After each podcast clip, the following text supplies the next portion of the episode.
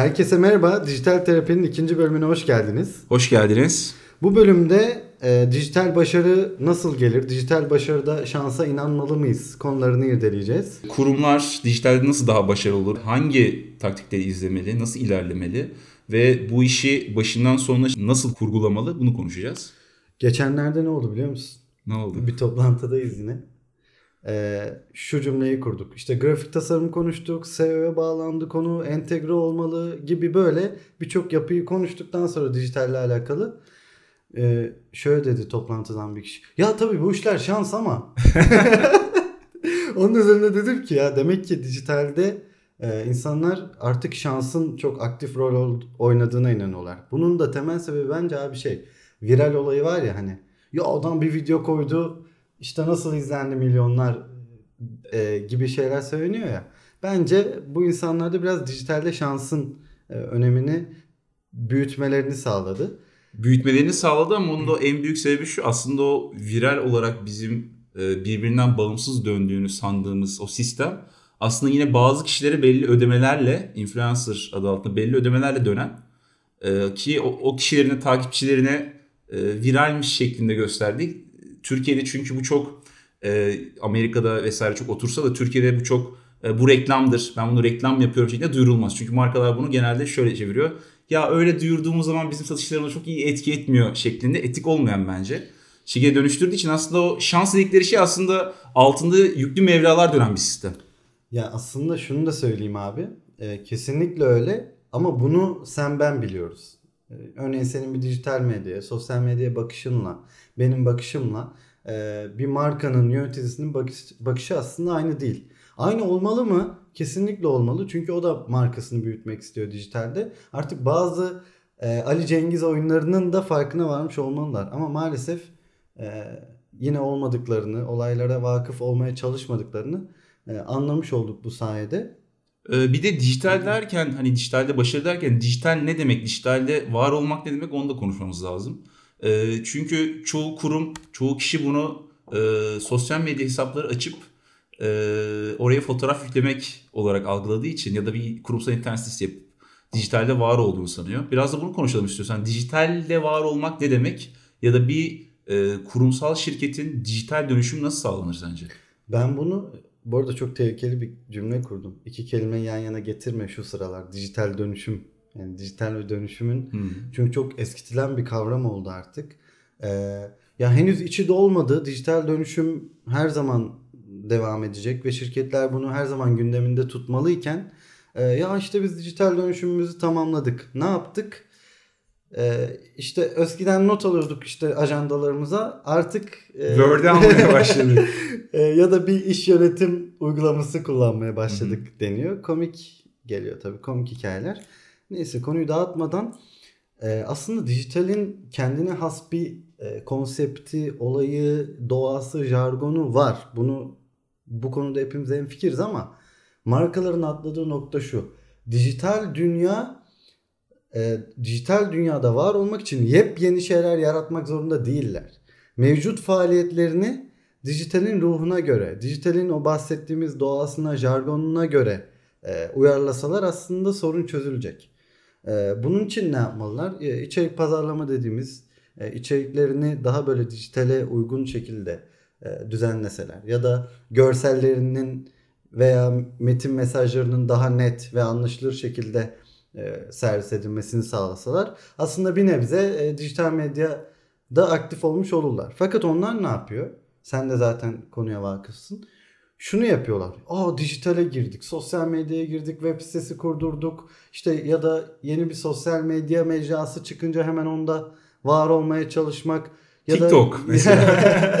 ya da yazılan blog yazısını her yerde paylaşmaya çalışmak. Bu arada özür diliyorum lafını bölün. Ee, dalga geçiyor gibi oldum TikTok hakkında da hiç öyle değil gerçekten. 2020 yılında e, gerçekten e, önemli kurumların TikTok'a reklam kampanyaları girebileceği düşünüyor. Çünkü e, çok önemli bir sosyal mecra haline geldi. Bir anda hiç beklenmeyecek şekilde. Bir kurumsal firma buna nasıl adapte olmalı? Bu tarz sosyal medya, yeni çıkacak sosyal medyalara nasıl adapte olmalı? Bu da önemli. Bu da şuradan kaynaklanıyor. Yani var olana bir şey üretmek evet belki daha kolay olabilir. e, ya da dijitale bir anda geçmek çok basit olabilir. Herhangi bir ajansla anlaşırsın ve sana destek olabilir ama ben ben şöyle düşünüyorum. E, dijital o bahsettiğimiz dijital dönüşümün ilk başlangıç noktası özellikle çalışanlar. Kesinlikle. E, şirketteki çalışanların e, tek tek bu konu hakkında gerçekten bilgi sahibi olması gerekiyor. Onlara neyin nasıl işlediğini iyice anlatılmış olması gerekiyor. Çünkü bu şirketin ruhunu yansıtacak bir şey bu dijital dönüşüm. Dijitalde var olma. E, en alt kademeden üst kademeye kadar insanlar e, bu dönüşümün içinde yer almalı diye düşünüyorum. Ya, yapılan tüm çalışmaların e, öncelikle zaten dijital düşünülerek organize edilmesi gerekiyor. Artık bu çağda e, matbu çalışmalar bile bir şekilde dijitale uydurulmaya çalışılıyor. Bu neden? E, aslında dijital dönüşüm başlığı altında markaların kendini bir şekilde dijitale adapte etme çalışmaları. Ne yapıyor? Bir QR koyabiliyor ya da farklı bir çalışmalar yaparak e, web sitesine ya da çeşitli ortamlarına davet ediyor. E, bunlar güzel. Neden güzel? Sonuçta geleneksel bir çalışmayı sen dijitalle e, uyarlayabiliyorsun, evirebiliyorsun. Ama şu cümlen çok doğru. Öncelikle çalışanları hedeflemeli burada marka uzman, e, marka müdürleri ve yöneticileri. E, çalışanlarda başlamayan hiçbir dönüşüm başarılı olamayacak. Bu zaten Üstün körü olmuş olacak. 2-2-4 kadar net bir çalışma. E, peki çalışanları nasıl adapte edecekler? Konuyu madem e, açtık. Bunun birden fazla yolu var. Öncelikle bir her çalışan işinin e, kendi jargonlarına, kendi doğasına hakim olacak. Bu bir. İkincisi dijitaldeki e, güncel durumlara her zaman hakim olacak. Yani dijitalde şu an trend ne? Dijital çalışmalar nasıl raporlanır? Nasıl ölçülür? Neden ölçmemiz gerekir?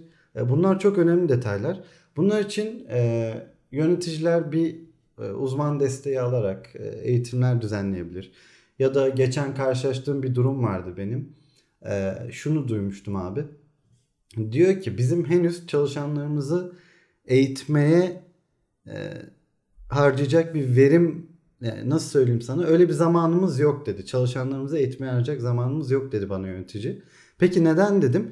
Çünkü bizim çalışanlarımıza biz daha önce verdiğimiz eğitimlerin hiçbir şekilde geri dönüşünü, geri alamadık. dönüşünü alamadık dedi.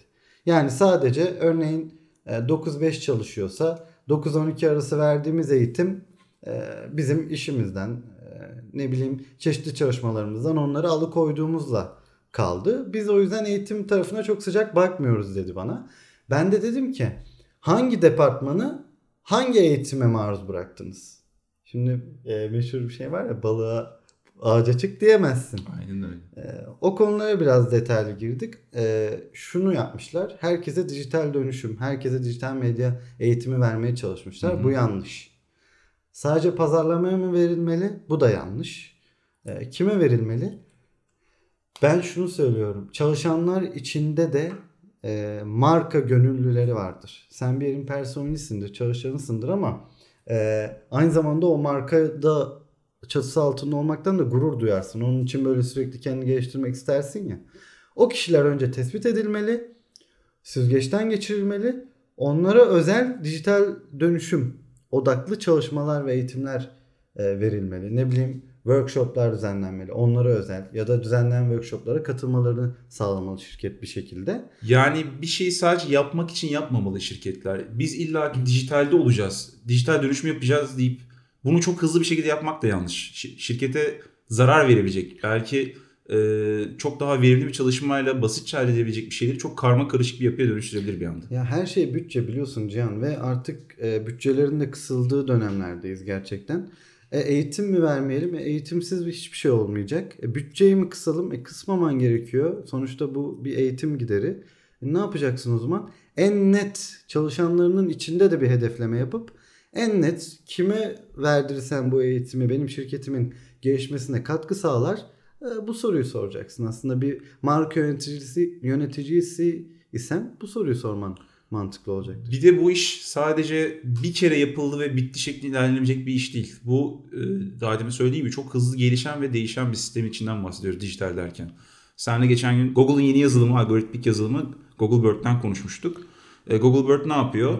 E, dünya genelinde yeni bir trend var. Ne bu trend? Artık sesle arama trendi var. İnsanlar e, bir Kesinlikle. şey yazmak yerine, keyword'dan yazmak yerine artık sesle arama yapıyorlar. Bu da daha çok konuşma diline yatkın içeriklerin daha ön plana çıkarılmasını sağlayan bir algoritma. Ee, eski şirketler ve kurumsal şirketler e, internet sitelerinde yazdıkları yazılar Google Bird'e şu an uyumlu olduğunu ben düşünmüyorum açıkçası. Hatta biz çalıştığımız çoğu şirkette bu şekilde çalışmadık zaten. Çünkü Google'un algoritması buna yönelik değildi. Ama hızlıca bir dönüşüm sağlayıp şirketlerin de buna uyum sağlaması gerekiyor. Peki ben sana şunu sorayım. Sence dijitalde başarılı olmak için Hı hı.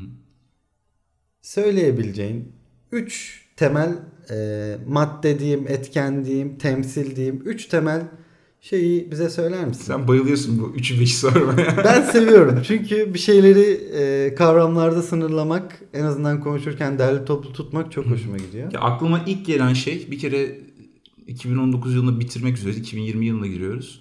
Artık e, kurumlar için dijitalleşme bir seçim değil kesinlikle bir zorunluluk. Yani bunu akıllarına kesinlikle tutmaları gerekiyor. Hani biz yapsak mı acaba yapmasak mı bununla zaman harcasak mı diye bir e, söz söyleme durumlarında değiller artık. Bu artık bir zorunluluk haline almaya başladı. Kesinlikle.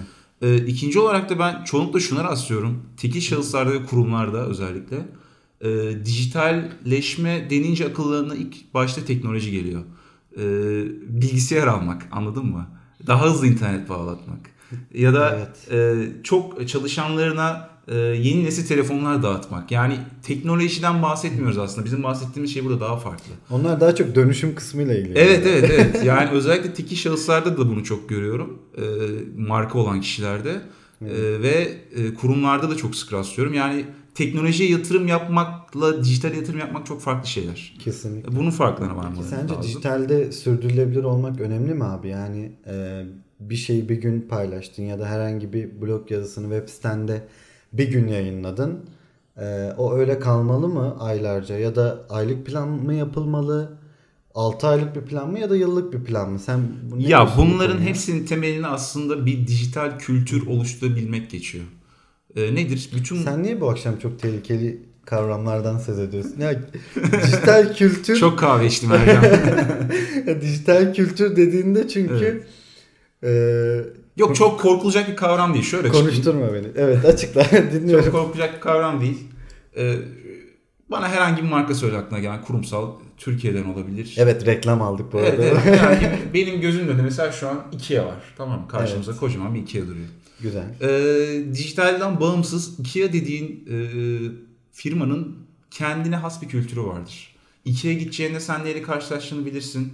Nasıl bir ortam olacağını bilirsin. Oradaki çalışanların sana nasıl davranacağını bilirsin. Neyi satın alacağını, e, o, o satın almadan sonra nasıl geri dönüşümün olacağını hepsinin vakıfsındır. Bu o firmanın bir kültürü. O, o firmanın e, geçmiş zamandan bugüne değin sürdürdüğü bir e, sürekli bir oluşum. Şimdi dijitalde bu süreklilikten bahsedebilmek için bu kültürü aynı zamanda dijitale yansıtmak gerekiyor.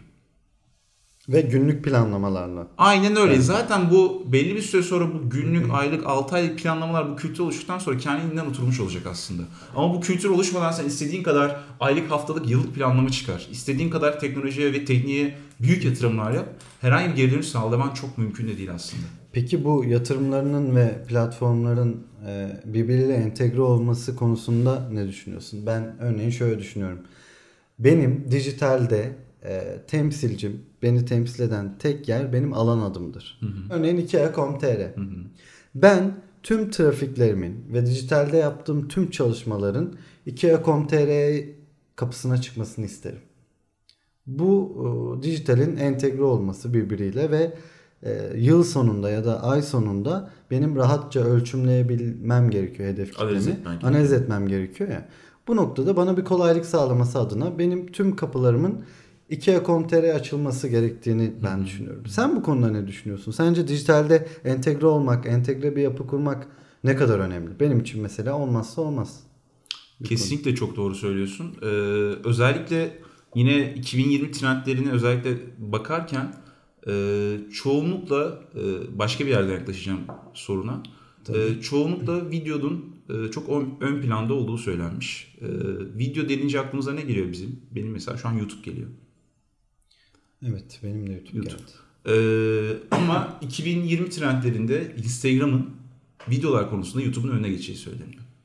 Ee, eğer markalar e, videonun büyük bir trend olduğu 2019 yılında yatırımlarını sadece YouTube'a yapsalar 2020 yılında başarısız olacakları anlamına geliyor bu. Kesinlikle. Çok güzel. Bu da senin bahsettiğin Çok o entegre yapıyı aslında çok iyi açıklayan bir örnek. Kesinlikle evet markalar bütün sosyal medya mecralarında, kendi kurumsal internet sitelerinde kesinlikle entegre bir yapı kurmak zorundalar. Çünkü teknolojinin nereye evrileceği, ne yöne kay- kayacağı e, çok muallak. Peki konuşmamızın başından beri bir şekilde e, sürekli cümle aralarında geçen bir kelime var abi. Özellikle ben çok kullandım. Ölçüm meselesi. Ölçebilmek, ölçülebilirlik. Biliyorsun dijitalde artık o kadar çok e, veri akışı var ki işte web sitemize bir trafik çekiyoruz. Sosyal medyalarımızda sürekli yorumlar, beğeniler, e, marka hesapları daha bir farklı oluyor biliyorsun. O tarafta sürekli bir akış oluyor, trafik oluyor. Bu trafiği doğru ölçen bir sonraki stratejik adımını daha iyi atıyor. Bu konuda hemfikiriz. Çok doğru çünkü elimizde belki de gereğinden fazla çok bilgi var ve biz bu bilgiyi artık süzmekte de zorlanmaya başladık. Ee, ve bu bilgiyi analiz etmek şu anda çok kıymetli. Bilgiden daha kıymetli bir hale geldi bu bilgiyi analiz edebilmek. Aynen ben de ölçümlemenin önemli olduğunu düşünüyorum. Ee, özellikle içerik konusunda e, biliyorsun sosyal medyada gerek e, bazen de web sitemizde özellikle bir e-ticaret projesi ise e, günlük içerik akışı çok fazla oluyor. Dolayısıyla bizim bu içeriklerin içerisinden işimize yarayan ve üzerinde strateji kurabileceğimiz içerikleri ayıklamamız da aslında bir iş yükü. Bunu nasıl yapmamız gerekiyor? Bunun için çeşitli araçlar var. İşte Google Analytics ve Yandex Metrika ki Yandex Metrika'nın Google Analytics'ten daha başarılı olduğunu düşünenlerdenim ben de. Ee, geçtiğimiz günlerde bir proje için yine raporlama tarafında aktif bulundum. Orada şu datayı biz elde etmek istedik. Kullanıcı en çok mouse'u web sitemizin hangi bölümlerinde gezdiriyor? En çok hangi linklere tıklamaya yelteniyor? Tıklıyor demiyorum bak tıklamaya yelteniyor gibi bir web sitesi ısı haritası çıkardık aslında. Ee, ve bu raporda şunu gördük. İnsanlar o web sitelerinin slider dediğimiz alanı vardır ya böyle bannerları vardır, kayan görseller vardır. %40 Ee, indirim, %50 indirim. Sakın kaçırma. Şahane cuma. Bugün al, yarın gel e, gibi konular biliyorsun orada çok yer buluyor kendine. İnsanlar en çok oranın oklarına tıklıyor. O proje için geçerliydi bu. Ve biz de şu kararı aldık. Artık tüm faaliyetlerimizi e, sadece ürünlerimizi değil de öne çıkarmak istediğimiz örneğin bir fuar katılımı olur ya da farklı bir çalışma olur. Tüm faaliyetlerimizi slider alanında yer verme gibi bir karar çıktı. Şimdi ölçümleme yapmasaydık, yapamasaydık ya da ölçümleme dünyasından hiç haberimiz olmasaydı e, biz bu veriden haberdar olamayacak.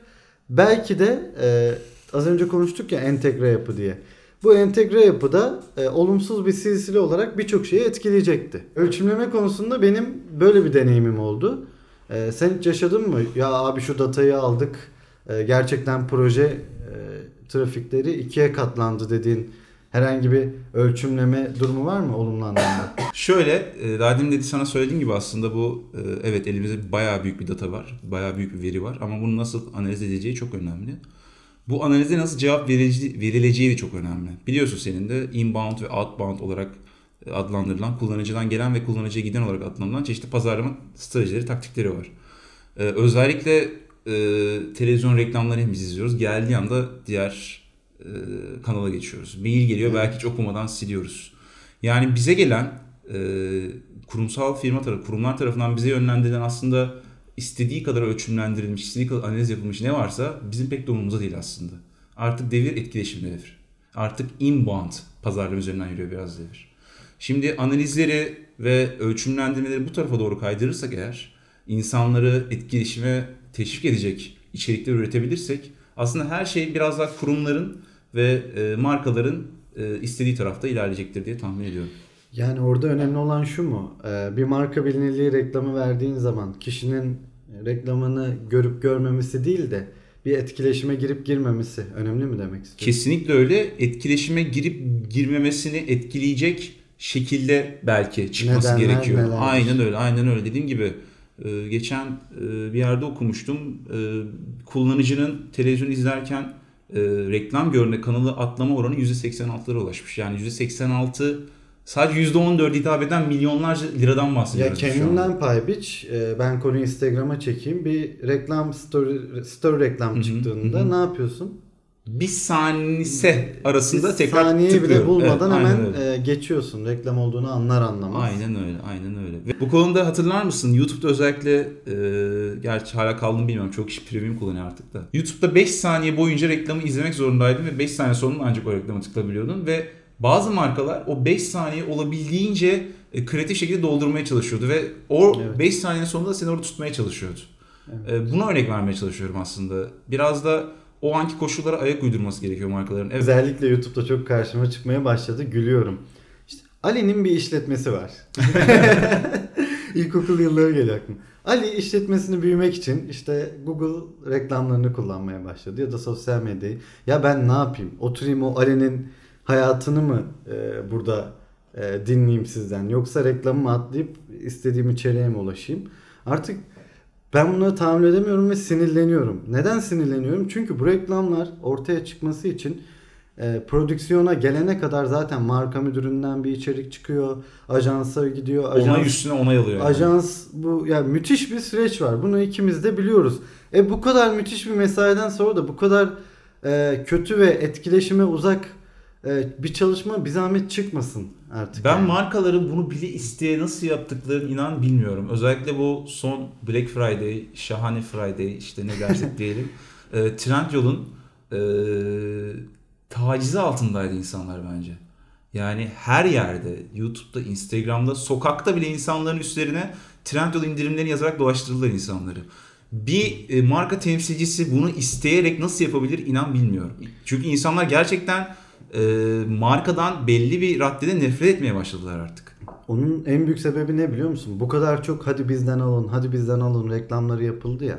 Sonrasında insanlar aldı. Evet belki de çok iyi indirimler ve çok iyi ürünler vardı. Orası tartışılır fakat e, geçen bana gelen bir mail kargonuzu 20'sine kadar e, gönde getiremiyoruz. İndirimler yapılırken e, hiçbir kargo firmasıyla herhangi bir toplantı, herhangi bir görüşme yapılmamış. kesinlikle. Daha sonra çok bilindik kargo firmalarından biri açıklama yaptı bu konuyla ilgili ve dedi ki bundan sonra bu e, indirim günlerinde biz kurumlara belli kota koyduk ancak o kota dahilinde bir ürün yollayabiliriz size. Ya kargo firması senin markana kota koyamaz. Ben ona da karşıyım zaten. Şu anda mesela Amerika'da herhangi bir bu büyük Black Friday olsun, herhangi bir Christmas olsun atıyorum. Şimdi önümüzde o var.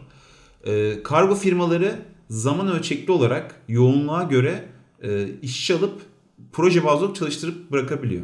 Ama Türkiye'de bu sistem hala oturmuş değil. Çünkü Türkiye'de Normal normal, işleyen bir kargo operasyonu yok. Gerçekten. Öncelikle böyle bir sıkıntı problem. var. Kargo. Ve sen bu kadar büyük çapta genişlikte bir kampanya yaparken en önemli ağlarından biri olan belki kargo ağıyla nasıl bir toplantı yapmadan ilerleyebiliriz? Kesinlikle ben buna katılıyorum ama oradaki çözüm kota koymak değil ki zaten hiçbir değil. marka hiçbir markaya kota da koyamaz. Öyle bir dünya yok. Özellikle onu bir söyleyeyim Türkiye'de. Ee, ama e, şu yapılabilir abi. Bir ekipmiş gibi hareket edilebilir. Ee, mesela büyük platformlar hepsi burada.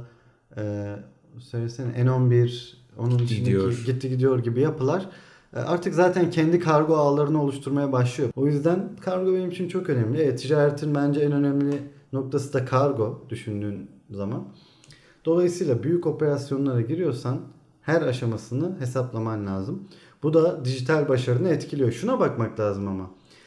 E, Trendyol'un ya da işte bu Black Friday olaylarına kapılan markaların çalışmalarındaki olumsuz yorumlar onların onlar analiz etmiştir de bir bakmak lazım. E, şikayetler mi daha çok yoksa memnuniyetler mi? Bunları aslında bir yıl sonu kitapçı olarak e, insanlara sunabiliriz. Ya tüm bunların sonucunda bence artık devir kişiselleştirme devir. Ben artık herkesin gördüğü aynı reklamı görmek istemiyorum. Ben artık bana herkes gibi davranılsın istemiyorum. Bu benden kasıt bir meta aslında. Bütün insanlar bence böyle düşünüyor. Çünkü markaların elinde aslında bizimle ilgili pek istemesek de tüm bilgiler var. Senin de bahsettiğin gibi marka benim o siteye girdiğim zaman nerede mouse nasıl döndürdüğümü çok iyi biliyor şu anda. Kesinlikle. Ve ben kolaya kaçılıp gözüme o markanın reklamlarının sabahtan akşama kadar sokulmasını istemiyorum. Ben bana özel bir şey yapılmasını istiyorum artık. O reklam paranın gücü dedirtiyor insana. Çünkü herhangi bir kreatif çalışma yapmak zorunda hissetmiyor marka. Aynen kendini. öyle. Reklamı basıyor ve geçiyor. Zaten diyor işte bilmem kaç milyonumuz var. Bunu çeşitli mecralara dağıtın gitsin. Yani kreatiflik e, biliyorsun yokluk en büyük böyle yaratıcılığı tetikleyen şeylerden biridir ya. Bütçeleri belki biraz sınırlı olsa daha böyle gerilla pazarlama konularına değinebilirlerdi. Ama resmen parayı bastık, reklamı yaptık oldu. Kesinlikle öyle. Bir de tüm bunların haricinde Türkiye'de çok da büyük indirimler olduğunu ben düşünmüyorum açıkçası. Yurt dışı Amazonları takip o ediyorum. O konuda zeki bir Ali Babaları, zaten. Onları evet, okuyabiliyoruz yani. Yurt dışındaki siteleri de takip ediyorum.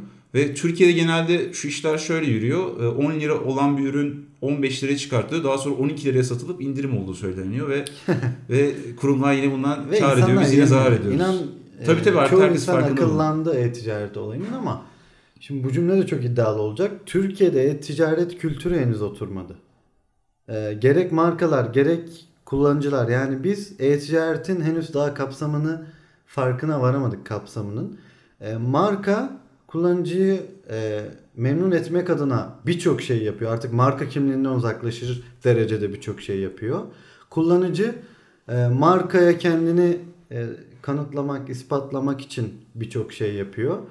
E, dolayısıyla bizim bir e-ticaret kültürüne de ihtiyacımız var diye düşünüyorum. E-ticaretin hatlarının e, daha net çizilmesi gerektiğini düşünüyorum açıkçası. Teşekkür ederiz Ercan.